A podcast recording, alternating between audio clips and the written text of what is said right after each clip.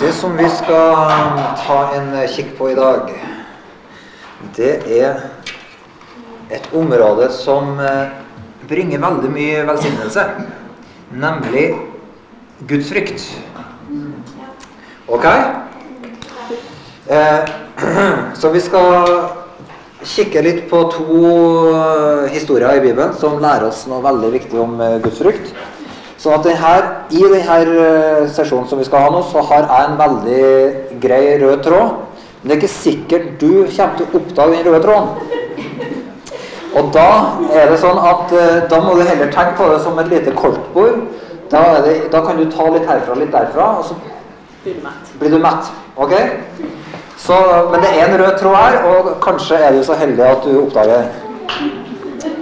Men hvis ikke, så bare tenk på det som et sånt koldtbord. Eh, så vi skal begynne bare med en sånn eh, med en apeteriff i Jesaja 66. Og der eh,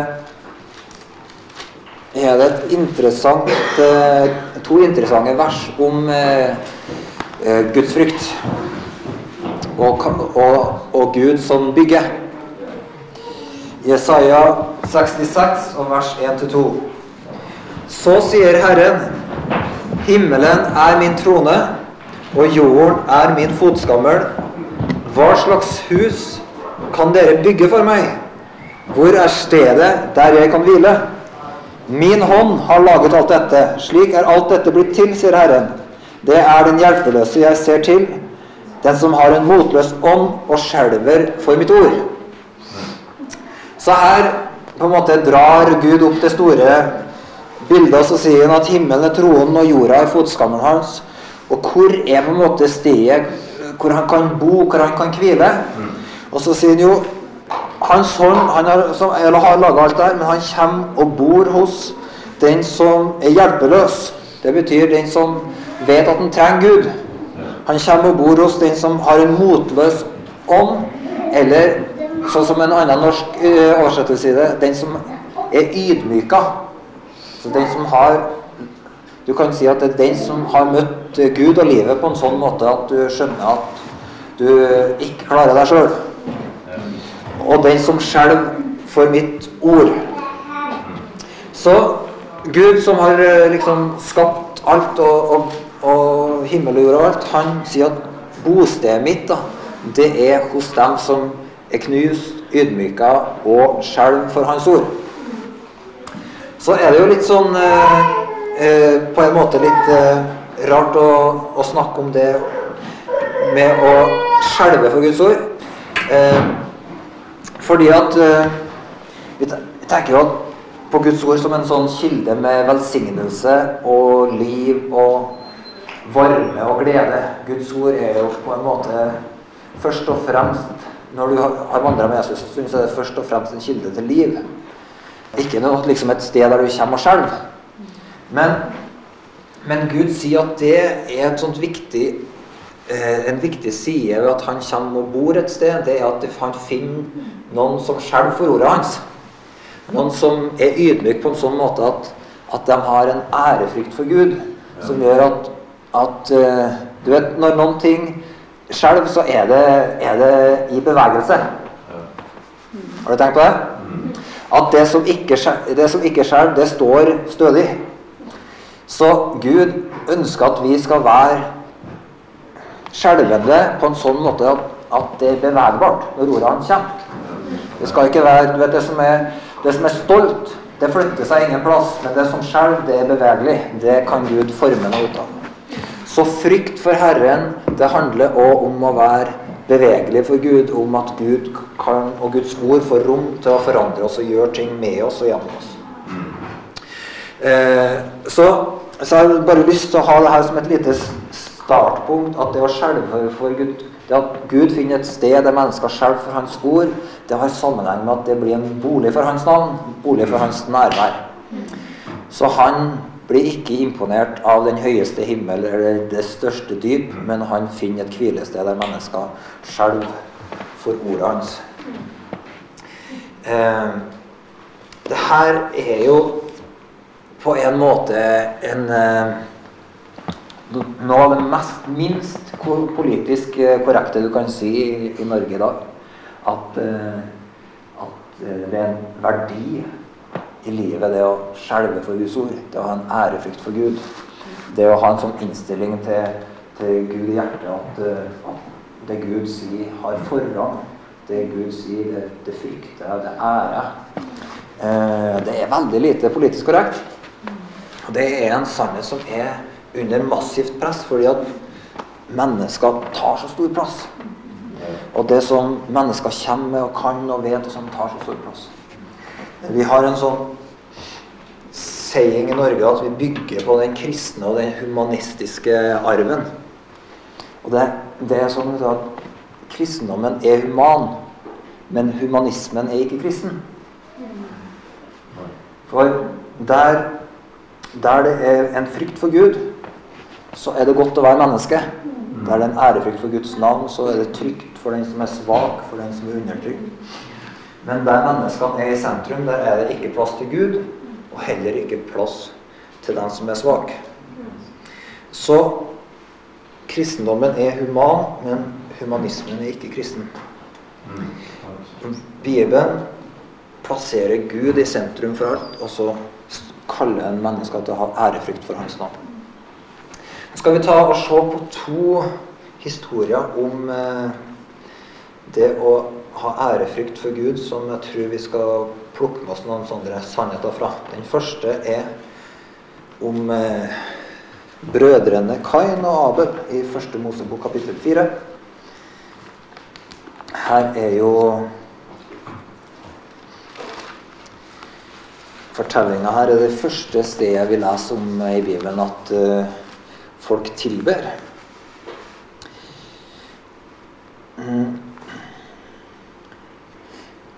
4.4. Vi kan lese fra vers 1.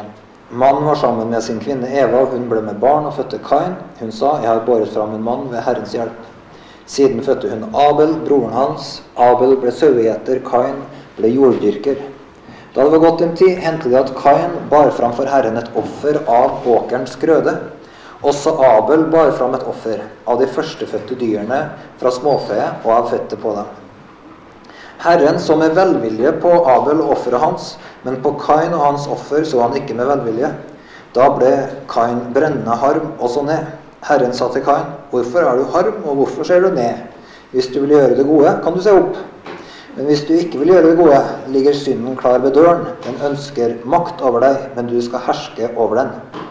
Siden sa Kain til sin bror Abel, la oss gå ut på marken. Og mens de var ute på marken, gikk Kain løs på sin bror Abel og drepte han. Så lyder Herrens ord. Så her kommer vi inn i fortellinga om at Kain og Abel ble født. og så får vi ikke vite så veldig mye om dem, annet enn han ene han dyrker jorda, og den andre han eh, får seg husdyr. Eh, han sauegjeter blir Abel, og Kain han blir jorddyrker. Og så eh, kommer vi inn i det her at de begge to de ofrer til Gud. Mm. Og offer og det å gjøre tjeneste på et sånt alter, det er Det handler om å tilbe. Det handler om å sette noe av sitt eget til side for å gi ære til Gud og rett og slett bringe noe som Gud har behag i. Tilbedelse handler om at Gud skal få noe som han har behag i. Gud skal få ære. Gud skal få det han vil ha. Så tilbedelse har med seg en veldig stor grad av gudsfrykt. Gud, tilbedelse uten gudsfrykt er ikke tilbedelse. Gudsfrykt er på en måte en sånn eh, kjerneingrediens i retten eh, tilbedelse. Eh, så, så, du kan aldri på en måte tilberede tilbedelse uten Guds frykt. Det, det er en ingrediens i, i tilbedelsen. Og, og, og vi, når du har lest litt uh, tidligere så, i første Mosebok her, så har vi lest at, at Gud har allerede lært menneskene om hva slags offer han ville ha.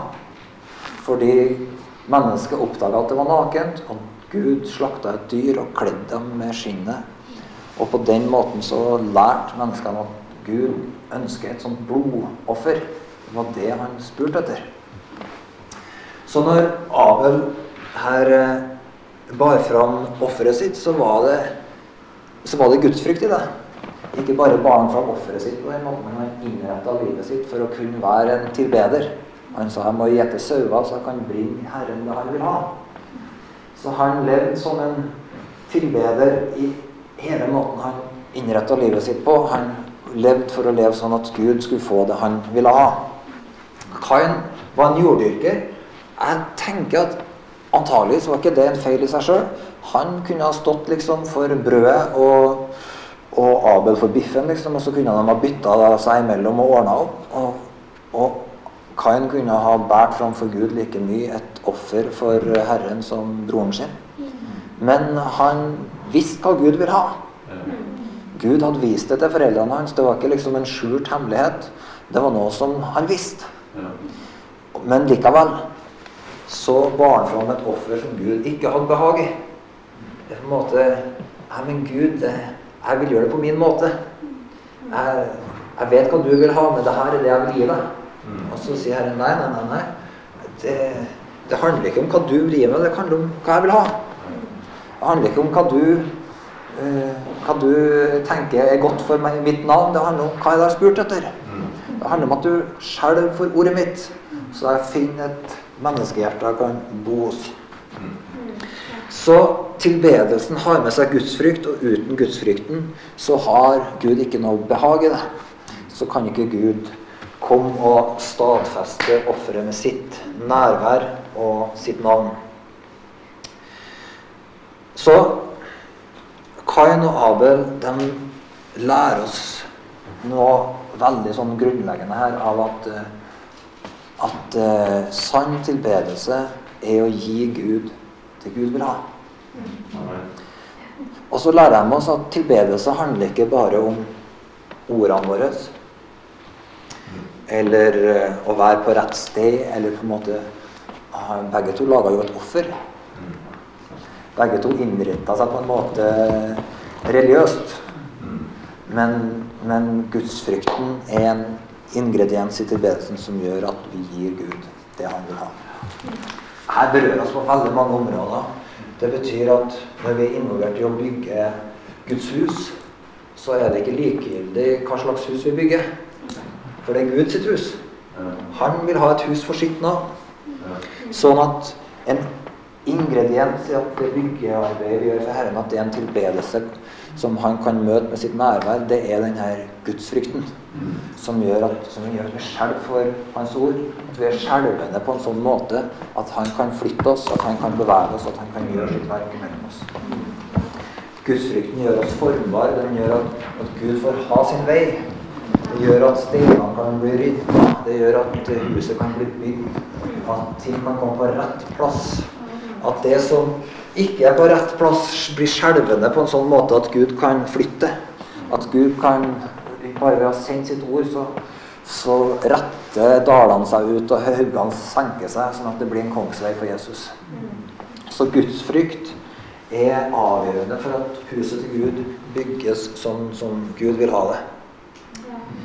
Så, så vi tar med oss det fra Kain og Abel. Gudsfrykt er en sentral del av tilbedelsen, og tilbedelsen er mye mer enn ordene våre. Det er en, å innrette livet sitt sånn at alt vi er og har og er involvert i, er en bringe ære til Gud og gir Gud det han vil ha. Skal vi gå til neste gudsfrykthistorie? Og det er i første kongebok. Og kapittel eh, 10, og fra vers 21. Alle drikkekarene til kong Salomo var av gull, og alt utstyret i Libanons skoghuset var av rent gull. Ingenting var av sølv. Sølvet ble ikke regnet for noe i Salomos dager. For kongen hadde Tashis-skip på havet sammen med Hiram-skip.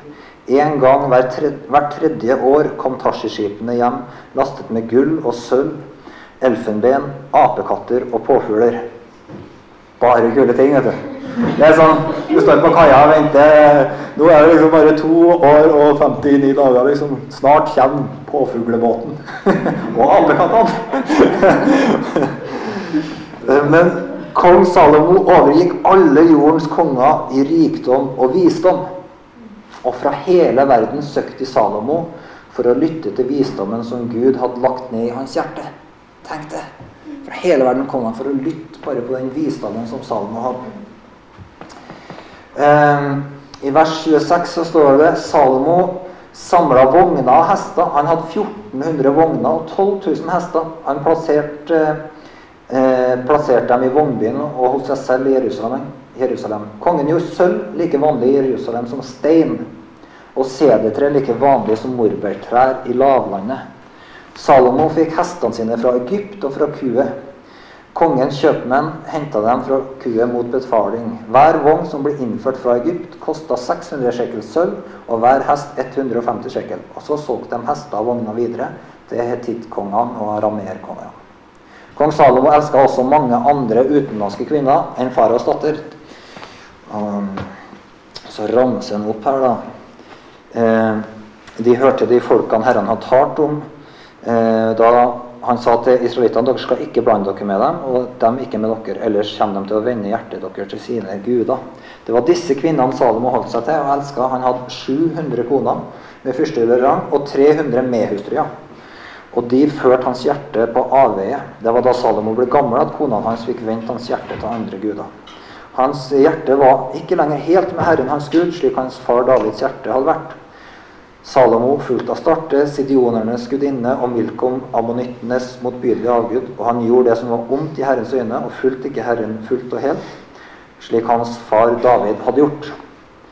Eh, I vers 9 eh, så står det da ble Herren harm på Salomo fordi han hadde vendt sitt hjerte bort fra Herren Israels Gud, som hadde vist seg for ham to ganger og gitt ham det budet at han ikke skulle følge andre guder. Men han hadde ikke rettet seg etter Herrens bud. Og Herren sa til Salomo, siden du har oppført deg slik og ikke holdt min pakt og forskriftene som jeg påla deg, skal jeg rive riket fra deg og gi det til en i din tjeneste.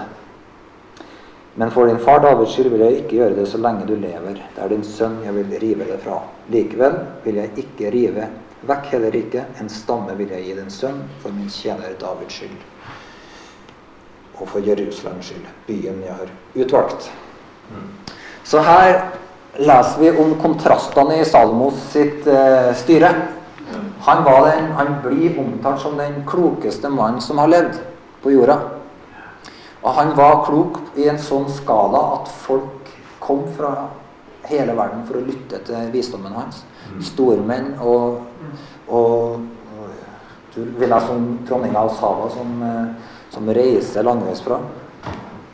Eh, og så finner vi da at eh, det er tre områder her som, eh, som Salomo på ene måten som kjennetegner styret hans.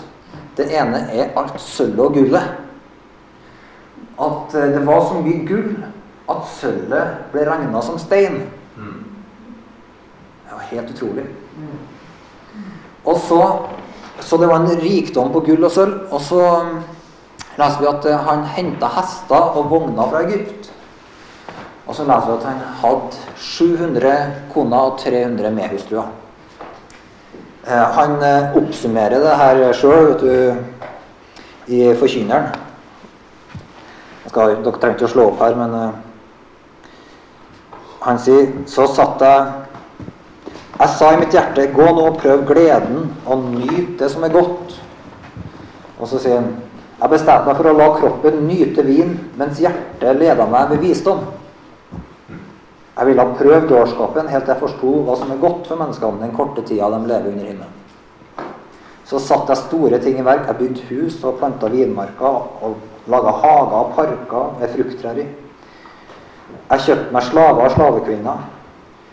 Og så står det jeg samla meg sølv og gull og kongelige skatter fra andre riker. Jeg holdt meg med sangere og sangerinner og det som er mennenes lyst, kvinner og atter kvinner.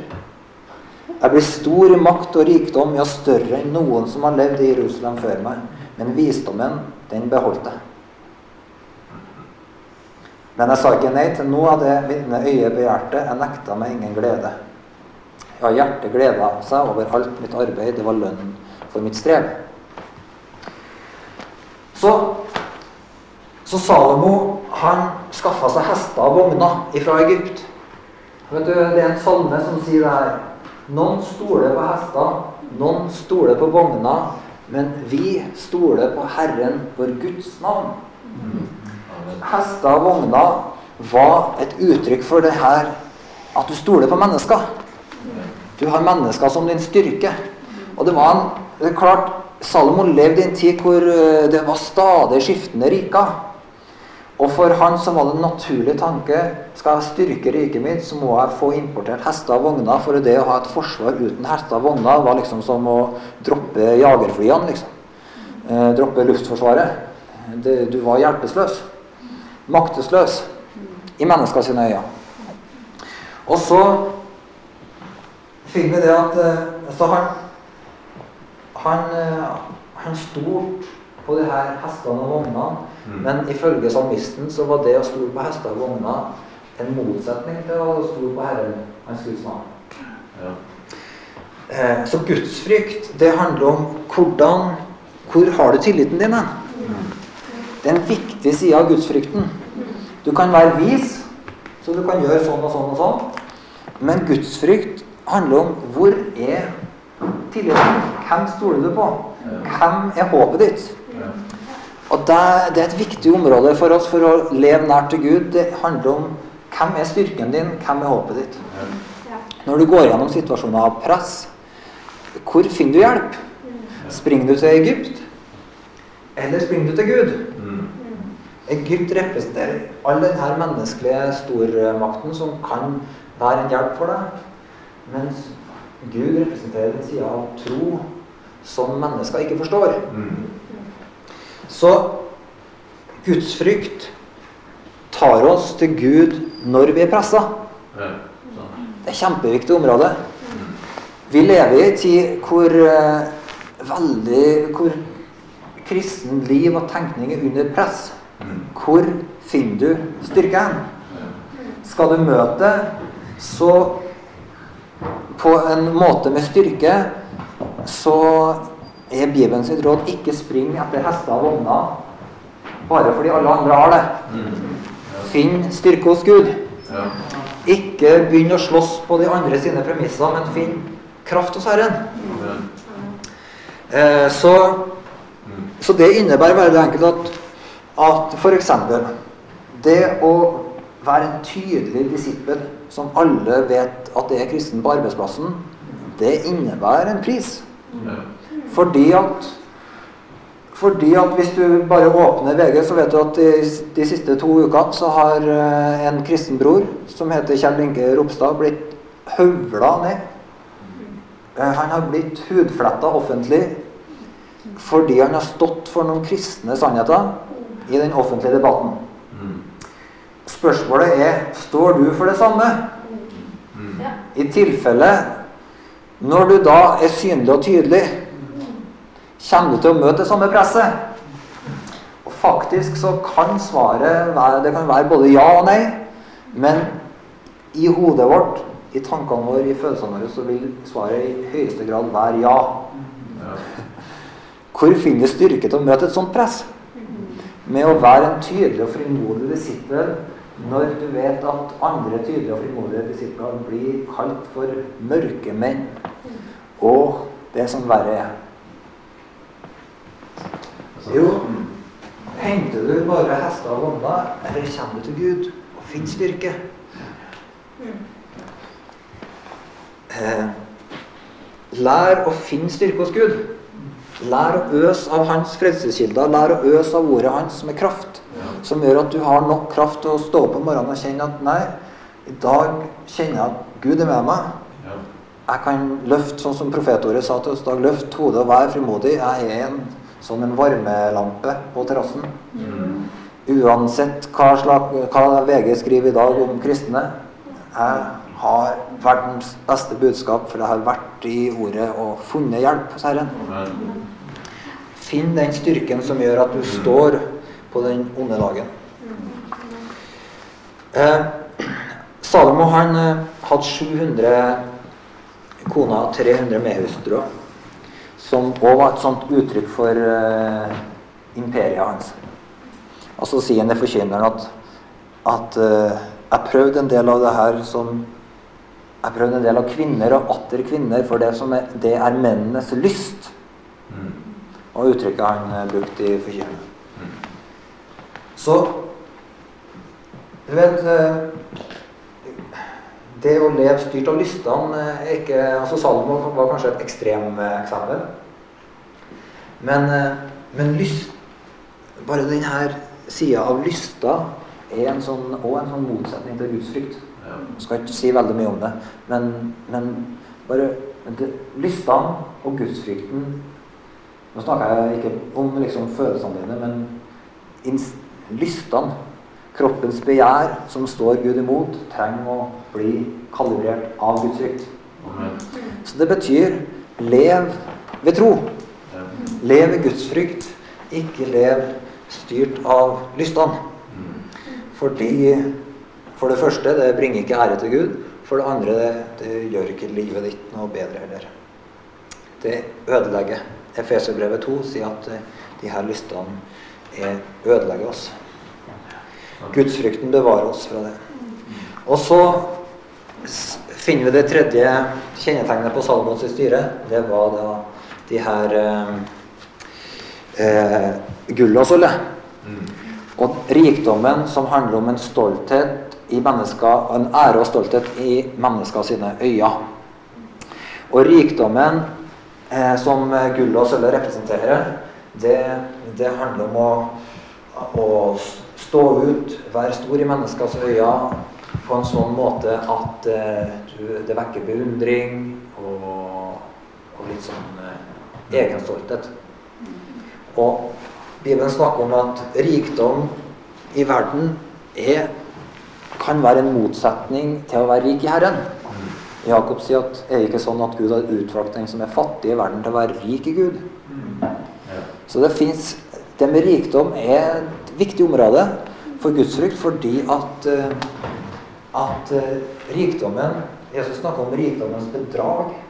Så det betyr at rikdommen gjør av og til at vi ikke ser klart. Rikdom gjør at vi mister dømmekraft. Vi, vi, vi mister av syne det som er viktigere for Gud. Trofasthet, barmhjertighet, rettferdighet, mm. eh, sannhet. Rikdommen skaper som press på de her områdene som gudsfrykten er, eh, bevarer oss i. Så Gud er ikke imot at kristne har penger, men han advarer mot å ha en kjærlighet til penger og en lyst på rikdom. Og det å bygge rikdom for rikdommen sin del. Så hvis du forvalter mye, så forvalter det med Guds frykt. Og hvis du ikke har mye penger, så ikke innrett livet ditt for å jage etter det, men uansett om du er fattig eller rik, innstill hjertet ditt på å finne ut hva er sann rikdom, mm. og så styr livet ditt ut fra det.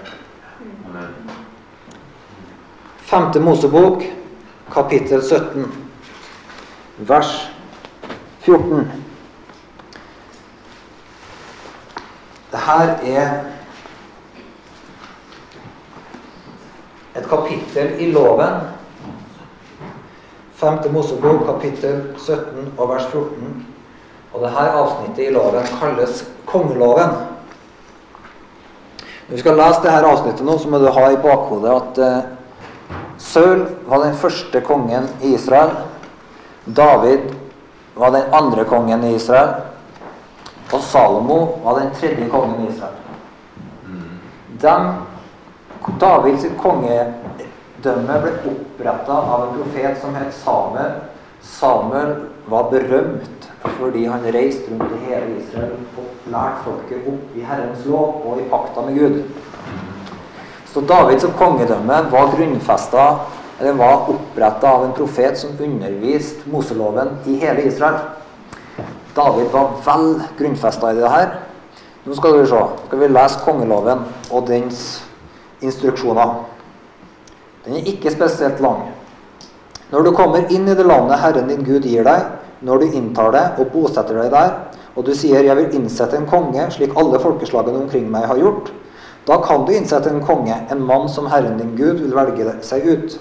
En av dine landsmenn skal du innsette som konge. Du må ikke ta en fremmed, en som ikke er din landsmann.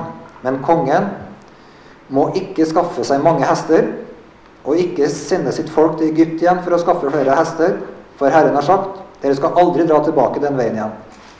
Kongen skal heller ikke ta seg mange koner, slik at han fristes til frafall, og han må ikke samle seg sølv og gull i store mengder.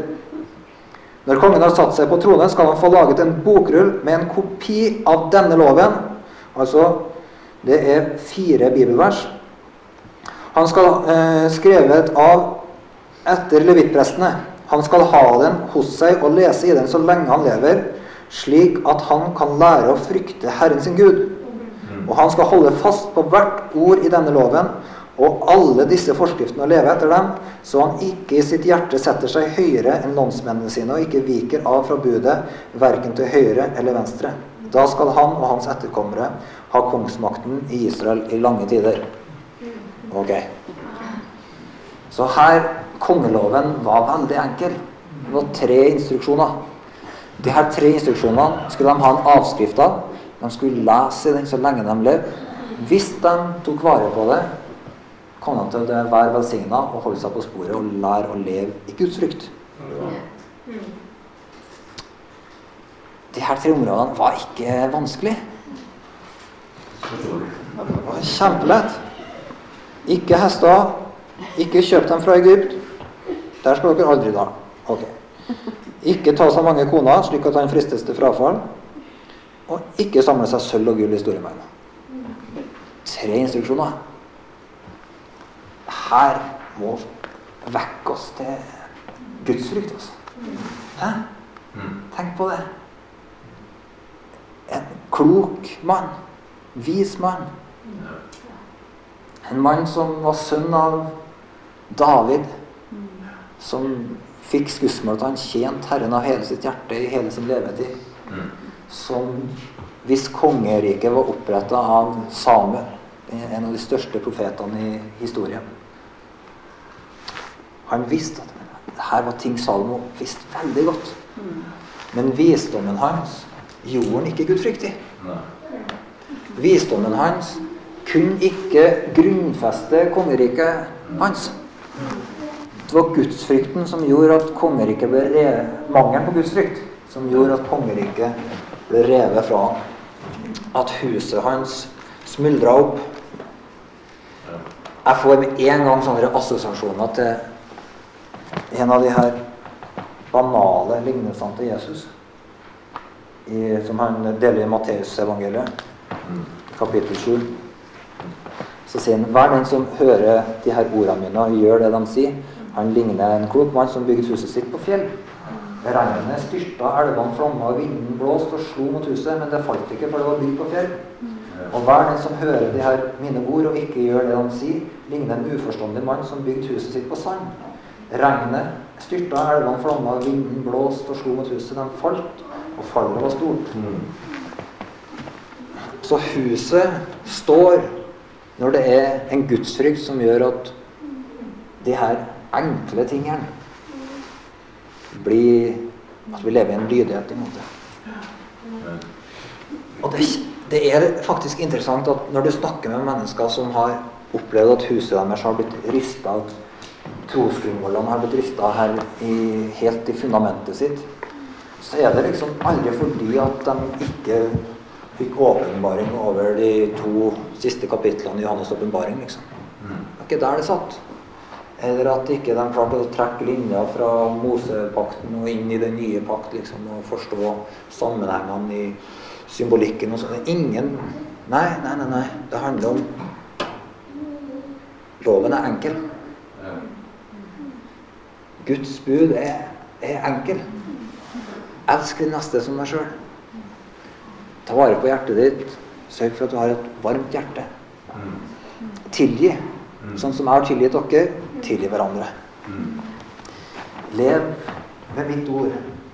Hvert menneske lever ikke av brød alene, men hvert ord som går ut av min munn. Lev i lyset sånn som han er lys, andre i lyset. Bibelen er full av sånne Eller den er ikke full av det engang, men den inneholder noen sånn enkle, grunnleggende instruksjoner. Lev i omvendelse. Lev i Guds frykt. Ja. Hold, hold fast på søskenfellesskap. Hold fast på, på tro, fast på brødsbrytelsen. Hvor lenge var det siden du brøt brødet? Hvor lenge var det siden du holdt fast på søskenfellesskapet? Det, er, det handler ikke om liksom, du kan samle visdommen fra øst til vest, men om du kan ta vare på de enkle, bevare hjertet hos Herren og hos Hans folk. Så gudsfrykten gjør at Gud får det han vil ha, og gudsfrykten gjør at uh, vi erfarer at uh, det huset, huset som livet, hvert enkelt av oss sitt liv representerer og er, blir stående solid.